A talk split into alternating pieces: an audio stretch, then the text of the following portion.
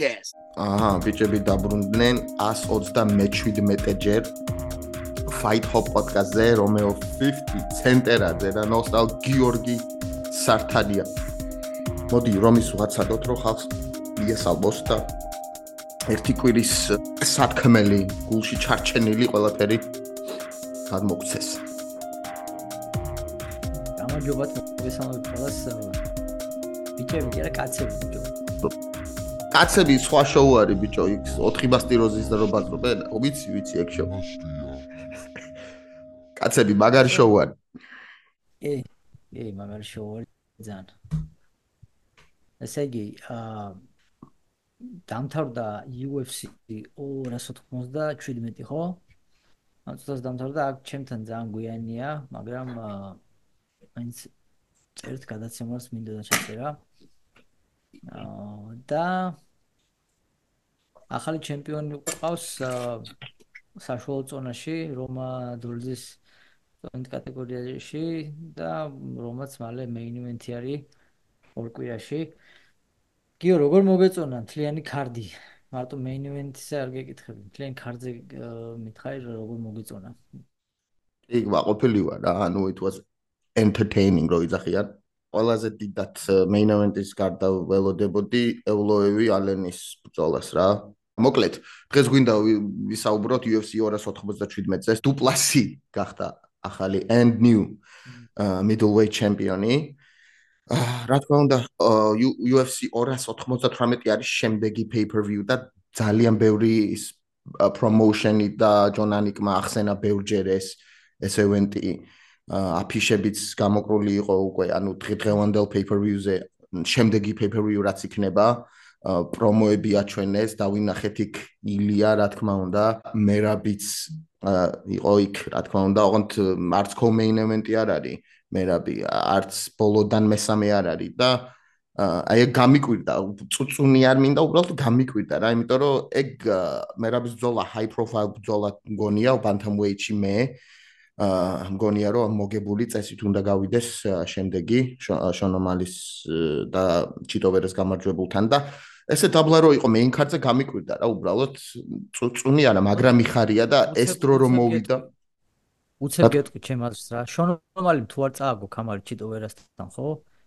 მაგას მე ეგ ყველაფერს იზამს რომ მე არ ეჭუბოს არაპირებს საერთოდ არ აქვს მაგის გეგმებში ყველაფერს იზამს რომ არ ეჭუბოს მერავს კამარს ბიჭო გეთანხმებითო მე კი არ კი არ ჯერა რომ შონომალი გამოიწვევს და იტყვის რომ აჰა მოდი მერაბო მაგრამ საქმე იმაში არის რომ ჩიტო ვერამ რომ მოიგოს ჩიტო ვერას უნდა სანდჰეგენი და ნათქვამი აქვს რომ მე თუ მოვიგეო ჩემი პირველი დაცვა მინდა რომ იყოს სანდჰეგენიო რა რახან სანდჰეგენდა და წაგებული რა ბოლოს ხო გახსოვს სანამ პედრო მუნოსთან და მე მგონია რომ უკვე ინდონეზე მიდის რომ ამდენი მოგების შემდეგ და ამდენი ყოფილი ჩემპიონის დამარცხების შემდეგ უკვე არ ამგონია რომ ჩიტოსაც მიცენ იმის უფლება რომ ამოირჩიოს. ხო გესმის?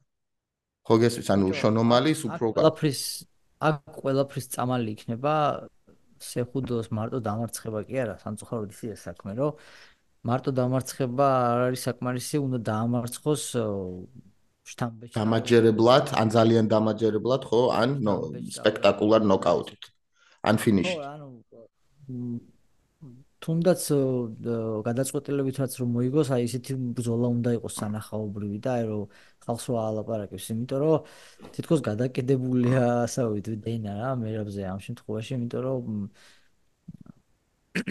ხო, ნუ ეგეთი შტაბეჭდილება მჩება რა, არსად არ მოიაზრებს, არსად არ ახსენებს, არსად არ ისა ერთადერთი ბოლოს ბოლო რამოდენიმეჯერ ამდენჯერ ისაუბრა, სულ უარყოფით კონტექსტში ისაუბრა მზე და ну საჭირო სანახაობრივი ბრძოლა. სანახაობრივი ბრძოლის შედეგად მოგებული ეს ეს მატჩი არის საჭირო რა და მე უკვე აა სადაოც აღარაფერი აღარ იქნება თუ ვინ უნდა მიიღოს მომდენო აა ტიტულის ტიტულის ბრძოლის უფლება. ისედაც პრინციპში წესებს თუ და ლოგიკას თუ გავყევით უკვე დიდი ხნის წინ ნომიო ხო ტიტულის უძველა მერავს და არანაირი იმაში არ ჯდება ლოგიკაში. ის რო ჩიტო ვერ აბძოლობს მერავს მზე წინ ახლა საცილოა რაზე ლაპარაკობთ ვაფშე მაგრამ აა ეს ეს ისეთი სპორტია ესეთი კომპანია ეს კომპანია ზოგადად ისეთი მიმართულებით მიდის აქ ლოგიკა ზოგჯერ واردება კონტექსტიდან და მარტო ბიზნესი და მარკეტინგი იწევს წინ ზოგჯერ ხანდახან რა ხშირად სამწუხაროდ. მაგრამ იმედია ჩვენ ჩვენთვის სასიკეთო დაალაგდება და დაივარცხნება ამ ამ შემთხვევაში სიტუაცია ამ ამ ივენთის შემდეგ რა ვნახოთ.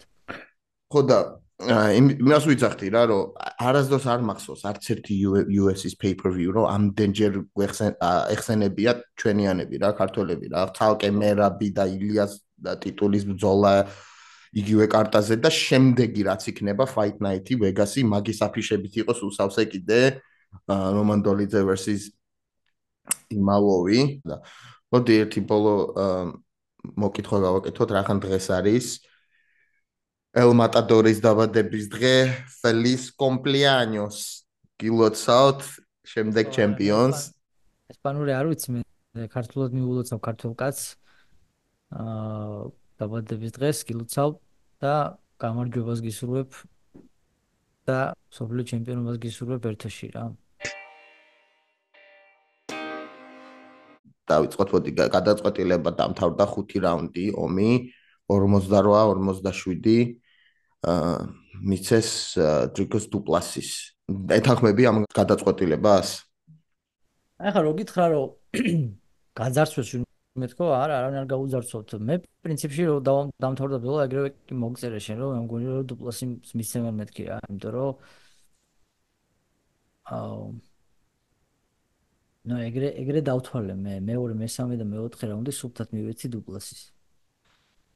პირველი და შეიძლება მეხუთე სტირკლენს. რა თლიანობაში მაინც ყველა რაუნდი ახლო იყო და აი ცოტათი მოიგე. პირველი რაუნდი აა ყველაზე ისეთი ადვილი ის იყო შეიძლება ანუ ძალიან კარგად დაიწყო სტირკლენმა პირველი რაუნდი ჯები კარგად მუშაობდა ლეკიკებს ბლოკავდა კარგად ლეკიკები შეუჩერა მაგრამ ტეიქდაუნები ვერ შეაჩერა ისე როგორც საჭირო იყო, მე მგონი 11 ტეიქდაუნის ცელობიდან 6 ბოლოსკენ უკვე კარგად იცავდა რა. ო ბოლოსკენ უფრო კარგად იცავდა. აა კონტროლი მაინც და მაინც ბევრი არ ქონია, მე მგონი სადღაც 2 წუთამდე გონდა წუთ ნახევარი, მაგრამ აა 6 ტეიკდაუნს 6 ტეიკდაუნს რო გაანახორცილებ 5 რაუნდში ტიტულის ბრძოლაში მაინც კარგია რა. ვისურვებდი რომ შონ სტიკლენს უფრო корпуში ემუშაო მეტი რა. მეორე რაუნდში თითქოს გაი გამოეთიშა საკუთარ არ ვიცი რა რაღაცნაირად ძალიან ისე კარგად დაიწყო პირველ რაუნდში. მე მგონა რომ მეორე რაუნდში მოუმატებდა რა აშკარად ბევრს მოუმატებდა უფრო მეტ. მაგრამ მეორე რაუნდში შეწყვიტა ოფენსი საერთოდ რა მარტო დაცვაზე იყო გადასული. მე ვიფიქრე რომ შეიძლება სტრატეგია და ეხა მესამეში უკვე ისე პირველი რაუნდი გააგრძელებს ხო მაგრამ არა პირველ მესამე რაუნდში ეგრე იყო. უკან დახია დუპლასი სტიკლენდი ამ ბრძოლაში. და ეს იყო მთავარი აა მთავარი მომენტი ალბათ ამ ბრძოლაში რა. სტიკლენდი წინ რომ მოდის და ჯებს რო ისვრის და ჯების უკან მე მარჯვენა ხელსაც უშვებს მაგრამ უკვე ძალიან რთული აა ძალიან რთული არის მაგასთან ბრძოლა და ადესანიასაც კი გაუჭირდა გახსოვს ალბათ მაგათი ბრძოლა. მაგრამ უკან რო იხევს უკან რო იხევს ცოტა ცოტა ცოტა სხვა სხვა მებრძოლი ხდება აბსოლუტურად. თავს ძირითადად მარტო ესე წინ და უკან ამოძრავებს გვერდებზე არ ამოძრავებს არაზოს თავს. აა ცუდი დაცვა არ აქვს რა თქმა უნდა მაგრამ ყოველთვის როცა უკან მიდის ხელს აგდებს ყოველთვის. შანსი არ არის რომ ესე წავიდეს ან როლინგი გააკეთოს. აა არგეთ იმუშავა ახლა დედუპლასიმ რაც გააკეთა რა არის საშუალებაც მიეცა. ორთაბრძოლიდან გამომდინარე ორთაბრძოლაა ეს ორივე და ერთმანეთს უნდა შეუ მისცენ საშუალება რომ ბრძოლა შედგეს გარკვეული სტილის. ყველანაირად ყველაფერი გააკეთა რა. ფლიანობაში ცუდად არც ეს არ უბრძოლია მე მგონი. უბრალოდ დუპლასიმ ოდნავ ოდნავ მეტი გააკეთა. ოდნავ მეტი აი თავის ტეიქდაუნებით აა რიცხვებში ცოტა უპირატესობა ქონდა მგონი სტრიკლენს ქონდა ძალიან დიდი უპირატესობა სახეზე გარტყმის რა. ძალიან დიდი არ ქონდა. ძალიან დიდი არ მგონია რომ ქონდა რაღაც გეშლება.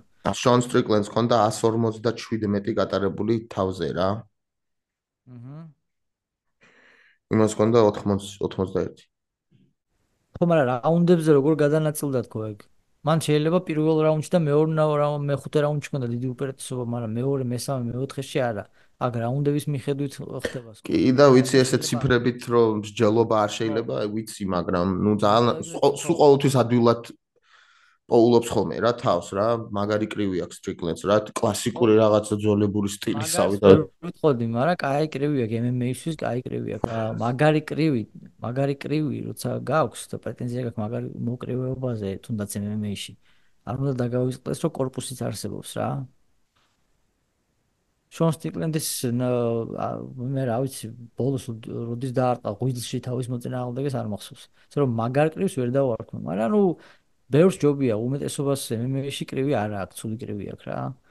და სტიკლენს გაიხელები აქვს ბევრზე უკეთესი რა. ასე რომ მაგრამ მე უფრო მეც ველოდებოდი მაგისგან კრივის ასპექტში თუნდაც რა. ისე აი როგორც პირველ რაუნდში დაიწყო, მე უფრო მეც და მე მომატებას ველოდებოდი, მაგრამ ვეღარ გააგზელა.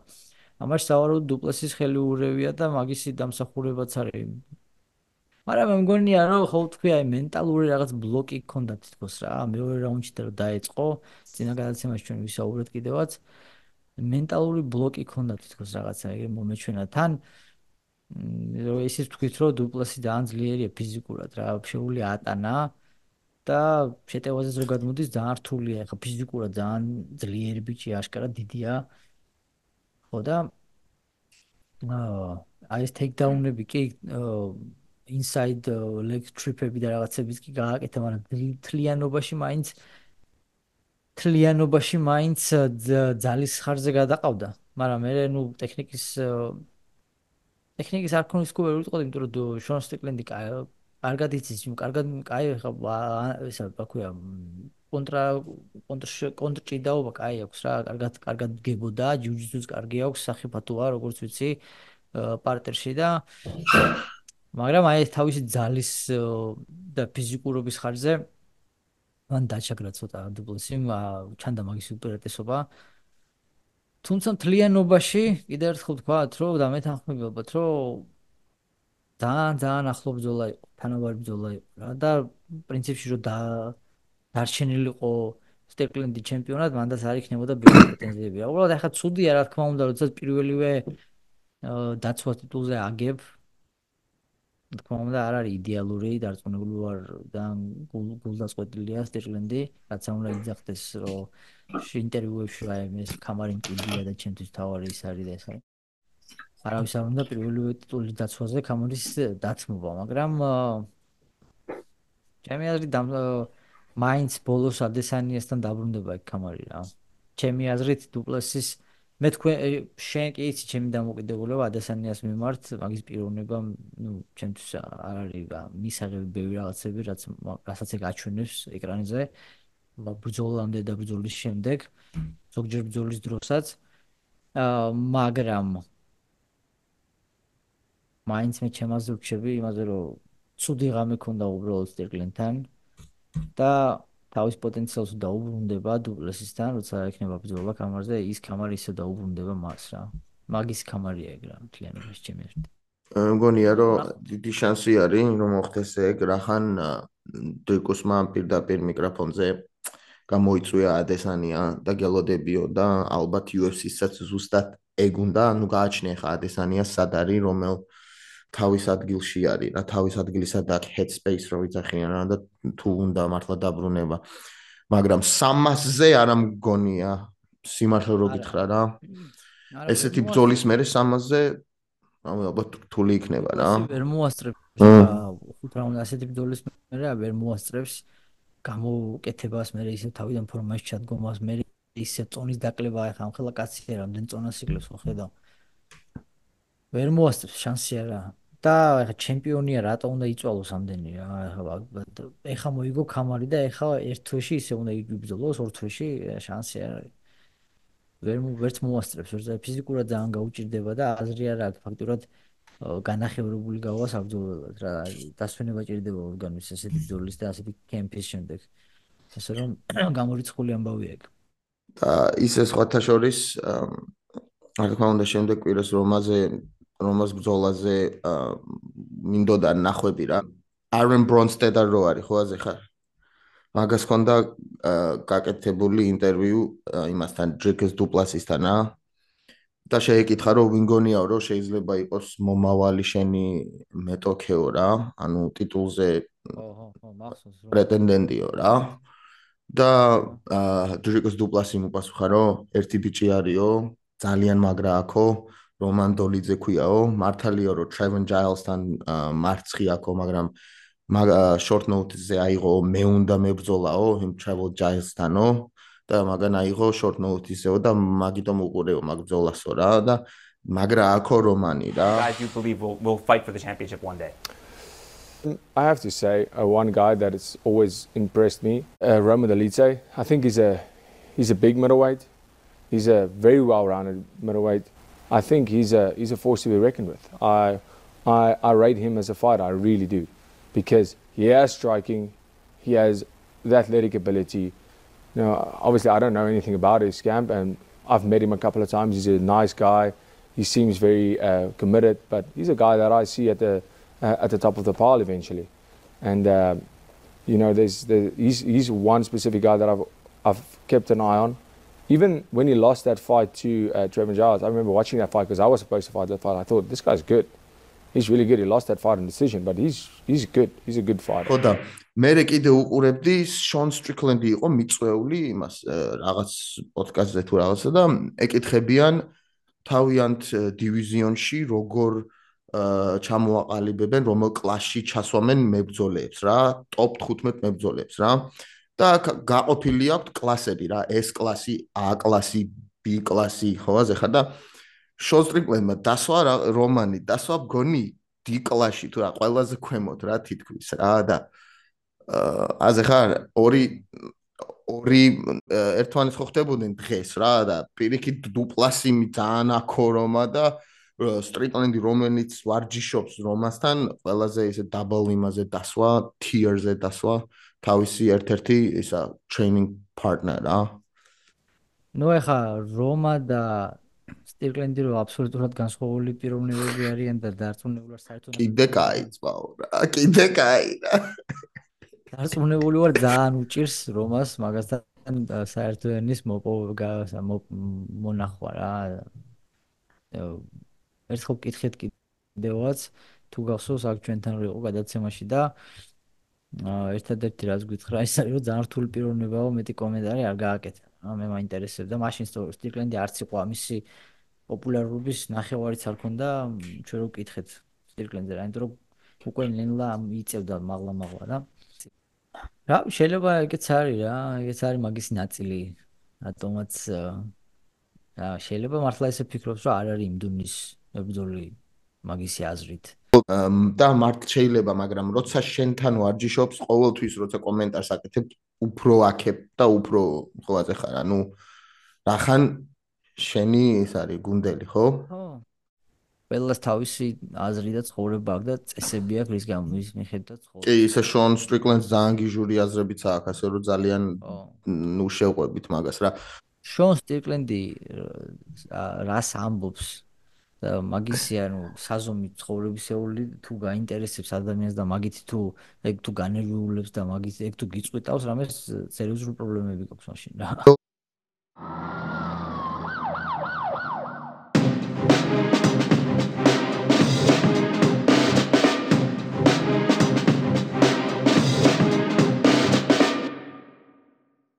Listen, now ეხა არის შენი ფავორიტი თემა, ქალების ბრძოლა bantamweight-ის.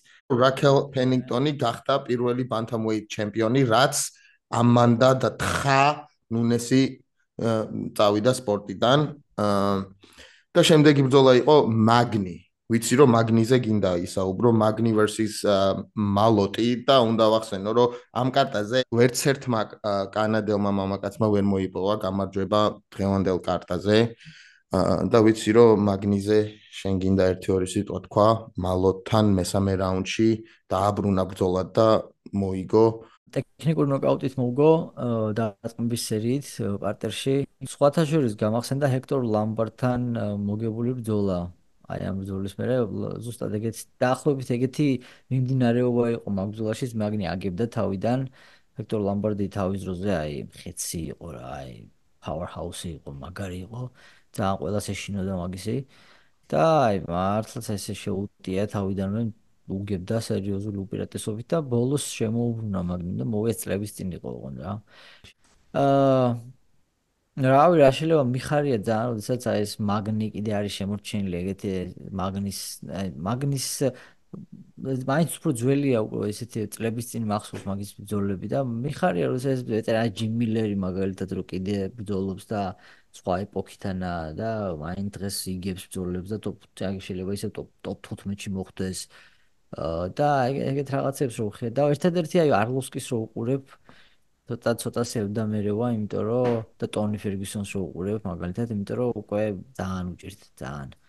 აა მარა ვინც კიდე იგებს ჯერ კიდე და რაღაცა თავისი პიქ ძალიან არის არ არის ჩამოშორებული და აა მაინცა ასე თუ ისე ინარჩუნებენ როგორ ვთქვა პატივისცემას როგორც დღემდე მაინც ესე გასაწევი ანგარიშ გასაწევი ძალად რჩებიან მაგრამ მიყვარს რა ეგეთი მაგის ნახვა რა ეს ძველი ბიჭები აი ძველები ძველები ვისაც ადრე წლების წინ უყურებდი კიდე რომ იგებენ აი მე სიამოვნეს ძალიან და გამიხარდა ძალიან მაგნის გამარჯვება. ზოგადად ვიცი რომ კაი პიროვნებაა თან და ძალიან მესიამოვნა რა ყოჩა კარლოს კონდიტმა მახსოვს ესე მოუგზავნა ბძოლა თავისი პირველი მარცხი აგემა მაშინ იმ დროისთვის ჯერ კიდე დაუმარცხებელ რორი მაკდონალდს. რორის მაგარი ჰაიპი ქონდა მომდენო GSP-ა ვაი და მართლაც მაგარი იყო რორი მხეცი იყო რა. Red Kings ეძახდნენ რა ძალიან მაგარი ახალგაზრდა იყო და კარლოს კონდიტიც ახლა მაგარი მებრძოლი იყო მაგრამ რორი რორი იყო რა. და ჰაიპი ქონდა ძალიან კანადელი კანადელი ოქროს ბიჭუნა იყო და მართლაც რომ დაიწყო ბრძოლა აი ორი რაუნდი ორ რაუნდ ნახევარი აი უგებდა რა რორი. და აი ზუსტად ბოლო წამებზე რაღაც 3 თუ 4 წამი იყო დარჩენილი უკვე რომ გააჩერა რაღაცნაირ ისეთ პოზიციაში მოაქცია კონდიტმა ground and pound-ი დასწყო ორივე ხელი დაუბლოკა და გააჩერა საჯმარ ბრძოლა ბოლო წამზე რა და იქ იყო რორის პირველი წაგება მახსოვს. აი ბრძოლას გამახსენდა სხვათა შორის აი ბრძოლამ გადახედეთ მაგ ბრძოლას თუ გექნებათ საშუალება რორი მაგდონალდ. და ისა კარლოს კონდიტის ბრძოლა რა და ისე ამონებს დამიჯერეთ კაი ბრძოლა იყო ძალიან რა. ძალიან ბევრი ძველი ბრძოლებია რა კლასიკები რაც ხანდახან დაუზივარ და თავიდან კი თმა მე პირადად ეხა დავიწყე თავიდან უნდა უყურო თავს რა ultimate fire პირველი მეორე მესამე რაღაცე ხან და მოდი ეხა სანამ გაითიშება მოუწოდოთ ხალხს რომ გამოყევით Spotify-ზე, Apple Podcast-ზე, რა თქმა უნდა YouTube-ზე გამოიწერეთ და მოგვეცით 500 სკლავიანი შეფასება. და უღმესი მადლობა ჩვენ დიზაინერს ნიკი გეწაძეს, getzadze.g ჩვენი აფიშებისთვის. on the fight podcast. Fight pod. Ну შემდეგი თქვენმოთ ჩავყვეთ. შემდეგი ბრძოლა იყო Chris Curtis versus Barry Wood. და ისეთი ბრძოლა უნდა ყოფილიყო რომ ორივე წინ წამოიწეოდა და იქნებოდა ძალიან ისე ახლო დისტანციაში გაცვლა ჯიბეში რო იძახიან ისა ტელეფონის ისა რა phone booth რა მაგრამ კრის კარტისმა გადაწყვიტა რომ ბოლო 30 წავი იყო გოდი დარჩენილი მოდი მოდი შიგნითო და მონსტა ენერგიის იმაზე ლოგოზე ზუსტად შიგნით მან იმას ქნეს რა მაგრამ პრობლემა რა შეიყო იცი წინ მოდიოდა კრის კარტისი მაგრამ დემიჯს იღებდა ამ დროს ანუ უკან უკან უკან სულელი ესა მაგის მოწინააღმდეგე მაინც უფრო მეტ დემიჯის მიყენებას ახერხებდა პირველ მაშინ რაუნდში, ვიდრე თვითონ, ხეძო თვითონ წინ მიდიოდა რა. ანუ არასწორად მიდიოდა წინ. დისტანციას არასწორად კვეცავდა რა, არასწორ დროს არასწორი ტაიმინგი ქონდა. და შენი აზრით მაგიტომ წააგო? აბა, რა თქმა უნდა.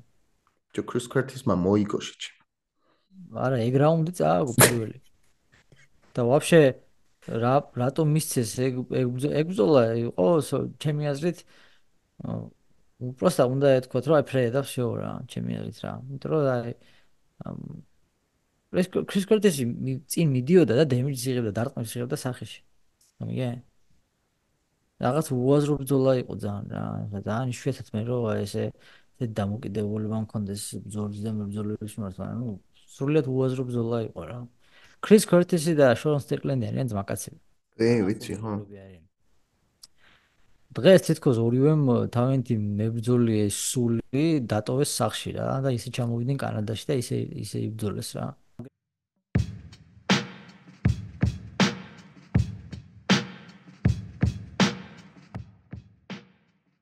ჯო სხვათა შორის მოусმინე რა მე ებლოევის ინტერვიუს რა ებლოევი რა თქმა უნდა არის უძლიერესი მებრძოლი და ну ეხა ილიასთან რო არ ქონოდა ეს ისტორია შეიძლება უფრო დიდად მეგულშემატკივრა რა ну იყო რაღაც გაცვლების სიტყვების ხო რა თქმა უნდა რომ შენ შენზე მეტი ქართველი ფანები მე მყავსო თუ რაღაც რო უთხრა რა ხო აზე ხარ პესპისა ეგეთი საგისით რომ ესე გაღიზიანებ ადამიანს რო ემაშვი twins რო უჭამ რა. ეგეთი პონტი ეგ მოსული ამბავია რა.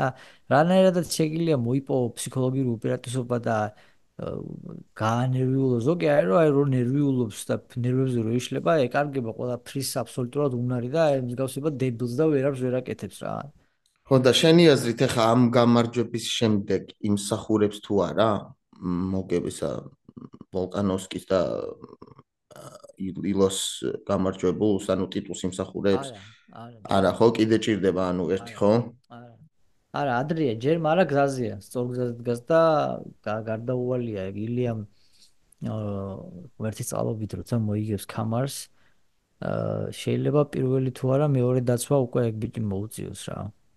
ხო და მე მოусმინე მაგ სიტყვით რომ გამოვიდა ბზოლის მერე და კითხეს რა თქმა უნდა ილიაზე და ვოლკზე რა. და მე მგონია რომ ვოლკი მოიგებსო მაგრამ მე მირჩევნია რომ ილია მოიგოსო რახან ჩვენ ეს ისტორია გვაქო და სხვათა შორის როგორც ვებზოლი აქო ილია ძალიანაც აქო და ვოლკიც სადღაც ზოგჯერ მინდა რომ ზოგჯერ მინდა რომ გამოვარდე და ვიყვირო ზოგჯერ მინდა რომ სად შევძრე და დავიმალა არ ვიცი გამიგე იმიტომ რომ ისეთ რაღაცები მაქვს ვოლკანოვსკისგან ნანახი ისეთ რაღაცები მაქვს ნანახი გასაოცარი რაღაცები ხო? რომ არ ვიცი არ მაქვს ხშირად ნანახი ბევრი მებრძოლისგან MMA-ში ეგეთი რაღაცები ეგეთი დონის ტექნიკა და ისა ინტელექტი ბრძოლაში მაგრამ საქმე იმაშია რომ ერთი ძალიან დიდი პლუსი გვაქვს ჩვენ ლუკანოვსკი არ არის მაინც და მაინც ის ტიპი და ის იმ ტიპის მებრძოლი რომ დააფინიშოს ილია რა აა გამიგე ხო და ილიას კიდე ბოლო წამამდე აქვს ფინიშის საშუალება აი გრანატა რო აქვს ხელებში მაგის გამო რა. ხო და ნახოთ რა. ჯერ კიდე დრო გვაქვს მაგდოლამდე და აი ფაით ვიკი იქნება სასწაული ჩვენთვის რაღაცა რა. მაგრამ მოდი. მეულებს მიულოცოთ. მაგარი მებძოლია კი დღეს ცოტა აი ეს წესი მე არ მომწონს ძალიან აი ეს ანუ ორი ფეხი და ერთი ხელი თუ გიდევს მიწაზე თავში მუხლი არ შეიძლება. აი ეგ მაგარი ცუდი წესია ჩემი აზრით ეგ წესი სადღაც 2014 თუ 15 წელს მიიღეს გონი თუ 16 15 ან 16 წელს მიიღეს 2015-ში ან 16 წელში ეგ წესი რა. ყველაზე დამაჯერებელი და დიდი დარტყმები რაც მიაყენა იყო ეს არალეგალური ფეხები მუხლი თავში რა. თავიდან სხვათა შორის ცოტა გაუჭირდა ელოებს დისტანციის და შეკვეცა ალენთან და შეიძლება ცაცია როა იმიტომ და უჭირდა რამოდენიმეჯერ სტოიკა შეცვალა შეეცადა რომ აქედან შეეხედა თვითონაც ცაციაში დამდგარი ყვება უფრო ადულად არ მივალ თეძომდეო. მე ისე უკან გადმოვიდა. ცოტა გაუჭირდა თავიდან მაგრამ მე ნელა გაიხსნა გაიხსნა. აა უბრალოდ რა არიცი სტრაიკინგში ხო ეხა ეგეთი სტრაიკინგით მართლა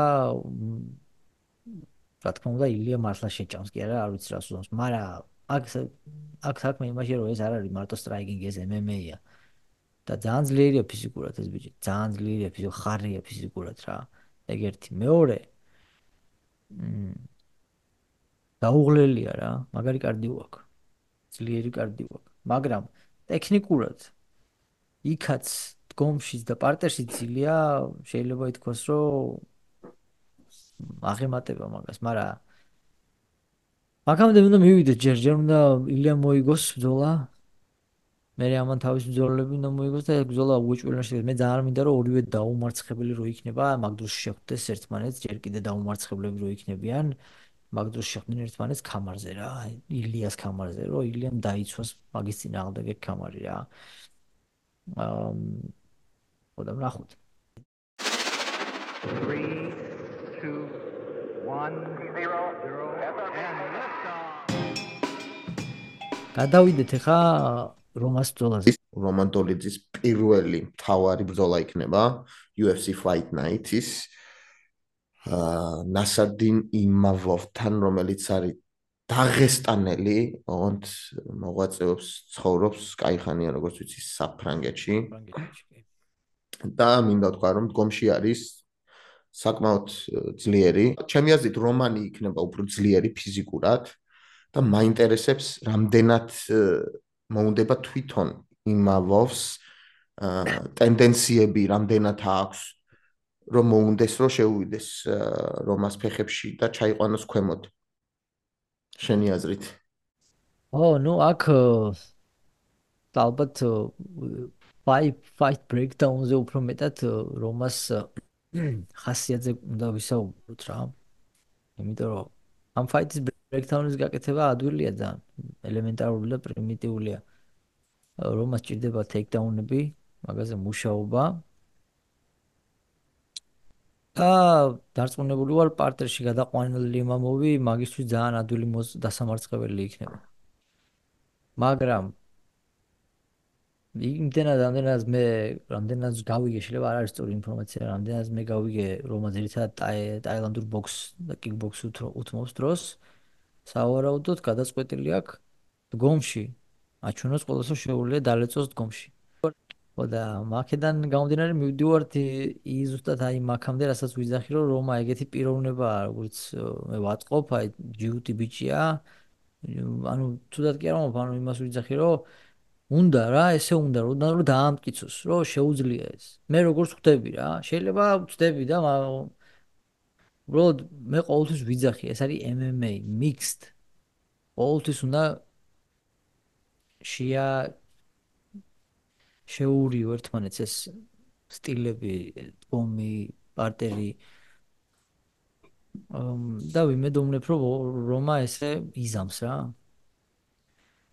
და არ მინდა ვიხილო ეგეთი რაღაცა რომასგან რა ეს level change მინდა ვიხილო. მაგრამ ნახოთ. ნახოთ როგორ შეიძლება არ არის გამორიცხული კიდე ხო გეუბნები დადგეს და უბრალოდ აი გომში მოინდომოს და დაანგრიოს რა. მაგრამ საქმე იმაშია რომ აქაც ყოველთვის აქვს მაგას შანსი იმიტომ რომ აშკარა ძალიან ძლიერი დარტყმა აქვს ძალიან ძლიერი დარტყმა აქვს რა უბედური ჯანის პატრონია მაგრამ ვისურვებდი რომ თუ ეგრე გადაწყვეტს გომში ჩაატაროს ეს ბრძოლა მინიმუმ სამდარტყმიანი კომბინაციები მაინც გააკეთოს რა. რომ ეს პირველი დარტყმა და ხშირად მეორეც არ მიდის რთულია მოარტყა რა. მაშინ ძალიან სწრაფი ჯები უნდა კონდეს დაყენებული აი თითქმის ბოქსიორის პროფესიონალი ბოქსიორის დონეზე რა. და ну ეგეთი ეგეთი ხელები MMA-ში ხო არ აქვს ხალხს არა არ აქვს არ აქვს MMA-ის მებრძოლებს ეგეთი ხელები იშვიათად ძალიან რა აი ეხა მაგალითად მე რო ესპარინგები მოკრივეს აი ხანი არ მის პარინგია უკვე მაგრამ ზოგადად ვესწროცა მის პარინგია მოკრივესთან იმის გამოქნეული ჯები აი არც კი მახსოვს ხოლმე ზოგჯერ აი საიდან მომხდა რა ხოლმე ისე სწრაფად და ისე ისე ისე დაყენებული აქვს ჯები რა და ამიტომ მაგას შეუულია ის ერთიან გესროლს მოგარტყას მე კიდე მოგარტყას MMA-ის ბიჭებს რო ვესპარინგები, მაგათ ჯებს ვიცილებ საკაიფოთ რა, არ მიჭირს. ბოქსერს რო ვესპარინგები, მეს რო გონია რომ ეხა უნდა ავიცილო, მე უკვე მეორე დარტყმა და მეორე დარტყმა მომხდა, გაიგე? ხო და სადგა დავედი ხა შოში იყო ეგ. ხო. ანუ ხო ნახოთ რა შეიძლება შეიძლება ნახო ისე მოხდეს რომ რომამ უბრალოდ გომში ჩაატაროს და მაგრამ ნახოთ რა მოხდება რა. მე რა თქმა უნდა კედელთან კედელთან მიმწვევა და კედელთან მუშაობა აქ ძალიან დიდი ძალიან დიდი ასპექტი იქნება ამ ბრძოლაში. კედელთან კონტროლი. კედელთან არ ამგონია შანსი კონდეს იმამოს რომასთან. რომამ აბსოლუტურად შეცდომებით რომ დაუშვა ასე ვთქვათ კედელთან ხო?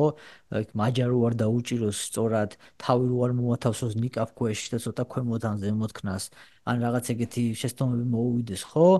მაინც იმენა ძლიერია მაგას ფიზიკურად. მაინც არ მგონია რომ იმან რამე შეძლოს რა ეს მაინც აჯობებს ჩემი ერთადერთი მაქსიმუმ ის გაექცეს კედლიდან რა. მაგრამ გასრულია რომ გააკონტროლოს კედელთან გადაიყვანოს პარტერში მიიყვანოს კონტროლამდე მივიდეს საქმე და ground and pound-ი submission-ი 1000 რაღაცები შეუძლია ქვემოთ რა. იმამოს არ აქვს იმდენის კრეპლინგი რომ რომ მას იქ რამე წინააღმდება გაუწიოს რა. დგომში რა თქმა უნდა უფრო აქვს ბევრი ტიპ კიკები იქნება შორი დისტანციის მაკონტროლებელი იმამოვის ხრიდან დარწმუნებული ვარ. პირველ მომენტში ბევრს იმოძრავებს ბევრს იმოძრავებს მარცხნივ მარჯვნივ ცოტა წინ და უკანაც აი ტიპ კიკებს ჯებით შეესწება რომ ცოტა დისტანციაზე აკონტროლოს რომ დარწმუნებული ვარ. მაგრამ შემდეგ უკვე რომაზეა დამოკიდებული რამდენად სწორად ჭკვიანურად შეკვეცავს ამ დისტანციას და დისტანციას რო შეკვეცავს მეરે რას იზამს? ასე რომ ნახოთ რა. საინტერესო. მე მგონია რომ თვითონ ნასარდინი იმავოვის ხრით ალბათ ჯობია რომ ცადოს რო იყოს მდგომში ეს ბრძოლა რა იმიტომ რომ მართლა ძირს არის მაგარი გრაპლერი არის. აი ბოლოს ჰერმანსონ თვითონ ჰერმანსონმა ჩაიყვანა ხო მგონი რომ მაშინ აა რომ დაამთავრო ძირს რა ჰერმანსონი ახლა მაგ ბევრად უფრო მაღალი ეს არის BJJ level არის ხო? ვიდრე ნასარდინ იმავე მაგრამ თუ შევა ანუ იმის იმიტო შევა რომ აი იმდენად ძლიერი დარტყმა აქვს რომას რომ აი არ უნდა დადგე და დიდხანს. იმამ იმამ მოვითუ შევა. შენ გონია რომ არ შევა იმამობი ფეხში? ანუ თუ ამან რაღაც დააიბა თქვა მაგახსოვს მაგრეგორი რო შევიდა დიასთან ბრძოლაში ფეხში რა. ხო ნუ ძალიან ცუდად იყო. ძალიან მაგარი მოხდა რა ხო მაგდრო მაგას მესმის ასაც ამბობ კი. არა მე ვთქვი რომ გეგმაში ალბათ არის გეგმა იქნება ალბათ რომ დგომში ჩაატაროს ხო? არ ხო არანაირ შემთხვევაში აი ხა რა ვიცი გიჟი უნდა იყოს მაგისი გუნდი მთელი და ტრენერიც რო ურჩიონ რომ შენ თვითონ შედი ფეხში ვეგ იქნება. იმ არა ეგეთ მაგარ დამტყმელთან რო გეხარ სულ არის რისკი გაიგე და აი ახლა რომამ რაც მოარტყა ვიტორის ისეთები რო გაუტაროს იმავოს ხო რა თქმა უნდა და უფრო დიდი რისკი არის რომ მოხდეს ძალა რომელიც აქვს უპირატესობა დიდი რომას რა ერთი დარტყმით რა. კიო მომისმინე. ძლიერი დარტყმა არ ნიშნავს არა ფერს თუ კი ამას არ აქვს სწორი დრო და მიმართულება და სიზუსტე რა და სწორი ფუტვორკი, სწორი დისტანცია. ისაც სტრაიკერს ებრძოლები რომელმაც იცის დისტანცია, სადაც შენ ხელი მოხვდება მაგისი და შენ მაგას ხელს ვერ მიაწვენ. ეგეც კაცთან რაც უნდა ძლიერი დარტყმა გქონდეს შენ? აზრი არ აქვს. გამიგე, აზრი არ აქვს. სტრაიკინგი ზუსტად ისეთივე მეცნიერება, როგორც ჯიუჯიტსუ და ჭიდაობა რა. ანუ შეინძახი რომ რომა შევა. პირველი შევა რომა. რომა შევა კი არა, ჩემი აზრით რომა უნდა შევიდეს. იმიტომ კი არა რომ იმიტომ რომ ის არის კიკბოქსიორი, გაიგე? იმის ერთადერთი იმის ყველი და პური არის კიკბოქსი. მაგითი ჭამს ეგ პურს. რომა არის MMA-ის მებრძოლი. რომა არ მოსულა არც კიკბოქსიდან, არც იმიდან, რომ მოვიდა პირდაპირ MMA-ში. და როდესაც MMA-ის მებრძოლი ხარ, პირდაპირ MMA-ით რო დაიწყე, კი, გრეპლინგი დაიწყო, მაგრამ მთლიანობაში მაინც MMA-ით დაიწყო რა. ჯერ ერთი და მეორეც გამოგდის დგომში ძლიერი დარტყმა გაქვს და პარტერში ძალიან ძლიერი ხარ ეს ყველაფერი უნდა გამოიყენო მე ამას ვამბობ მეც არაფერს მე არ ვიძახი რომ თუ დადგება რომ უეჭველი წააგებს მეთქი არა. მაგას კი არ ვიძახი შეიძლება ესეთი მოარტყას ერთი მართლა რომ მარა როდესაც გაქვს იმ ერიაში უფრო მეტი უპირატესობა სადაც შენს მოწინააღმდეგეს თითქმის შანსი არ აქვს რატომ უნდა მისცე ის შანსი ხო? ადე კიდე გადაიტანე ბრძოლა იმ იმ ერიაში სადაც შენ მოწინააღმდეგეს არ აქვს შანსი. ან ელემენტარული მარტივია მოკლედ შანსი ნამდვილად ყველგან აქვს რომას ძირს დგომშიც და ალბათ ნახავთ უფრო განვითარებულ სტრაიკინგსაც რომასგან ნახან ხო რა თქმა უნდა ვიცით რომ მოითაის ვარჯიშობს კიდე ცალკე და ძალიან საინტერესო იქნება. კიდე იცი, ბოდიში. მარტო ის რო ძლიერი ხარ ფიზიკურად და გრეპლინგიდან მოდიხარ და ეგ არ არის საკმარისი ჩემი აზრით. ჩემი აზრით რა ეგრეა. იმიტომ რომ ხო გახსოვს შენ რომ აი მოსაწყენი ბრძოლა რო ქონდა ცოტა და მე მოწმობიდან ისო იყო ნასკარი. სტარაპოლი. სტარაპოლი ხო. ანუ მაგ ბრძოლაში რა მოხდა რა, რომას აშკარად ჩემი აზრით, ჩემი გადმოსახედიდან, ჩემი დანახულიდან შეიძლება არ დაუთმო.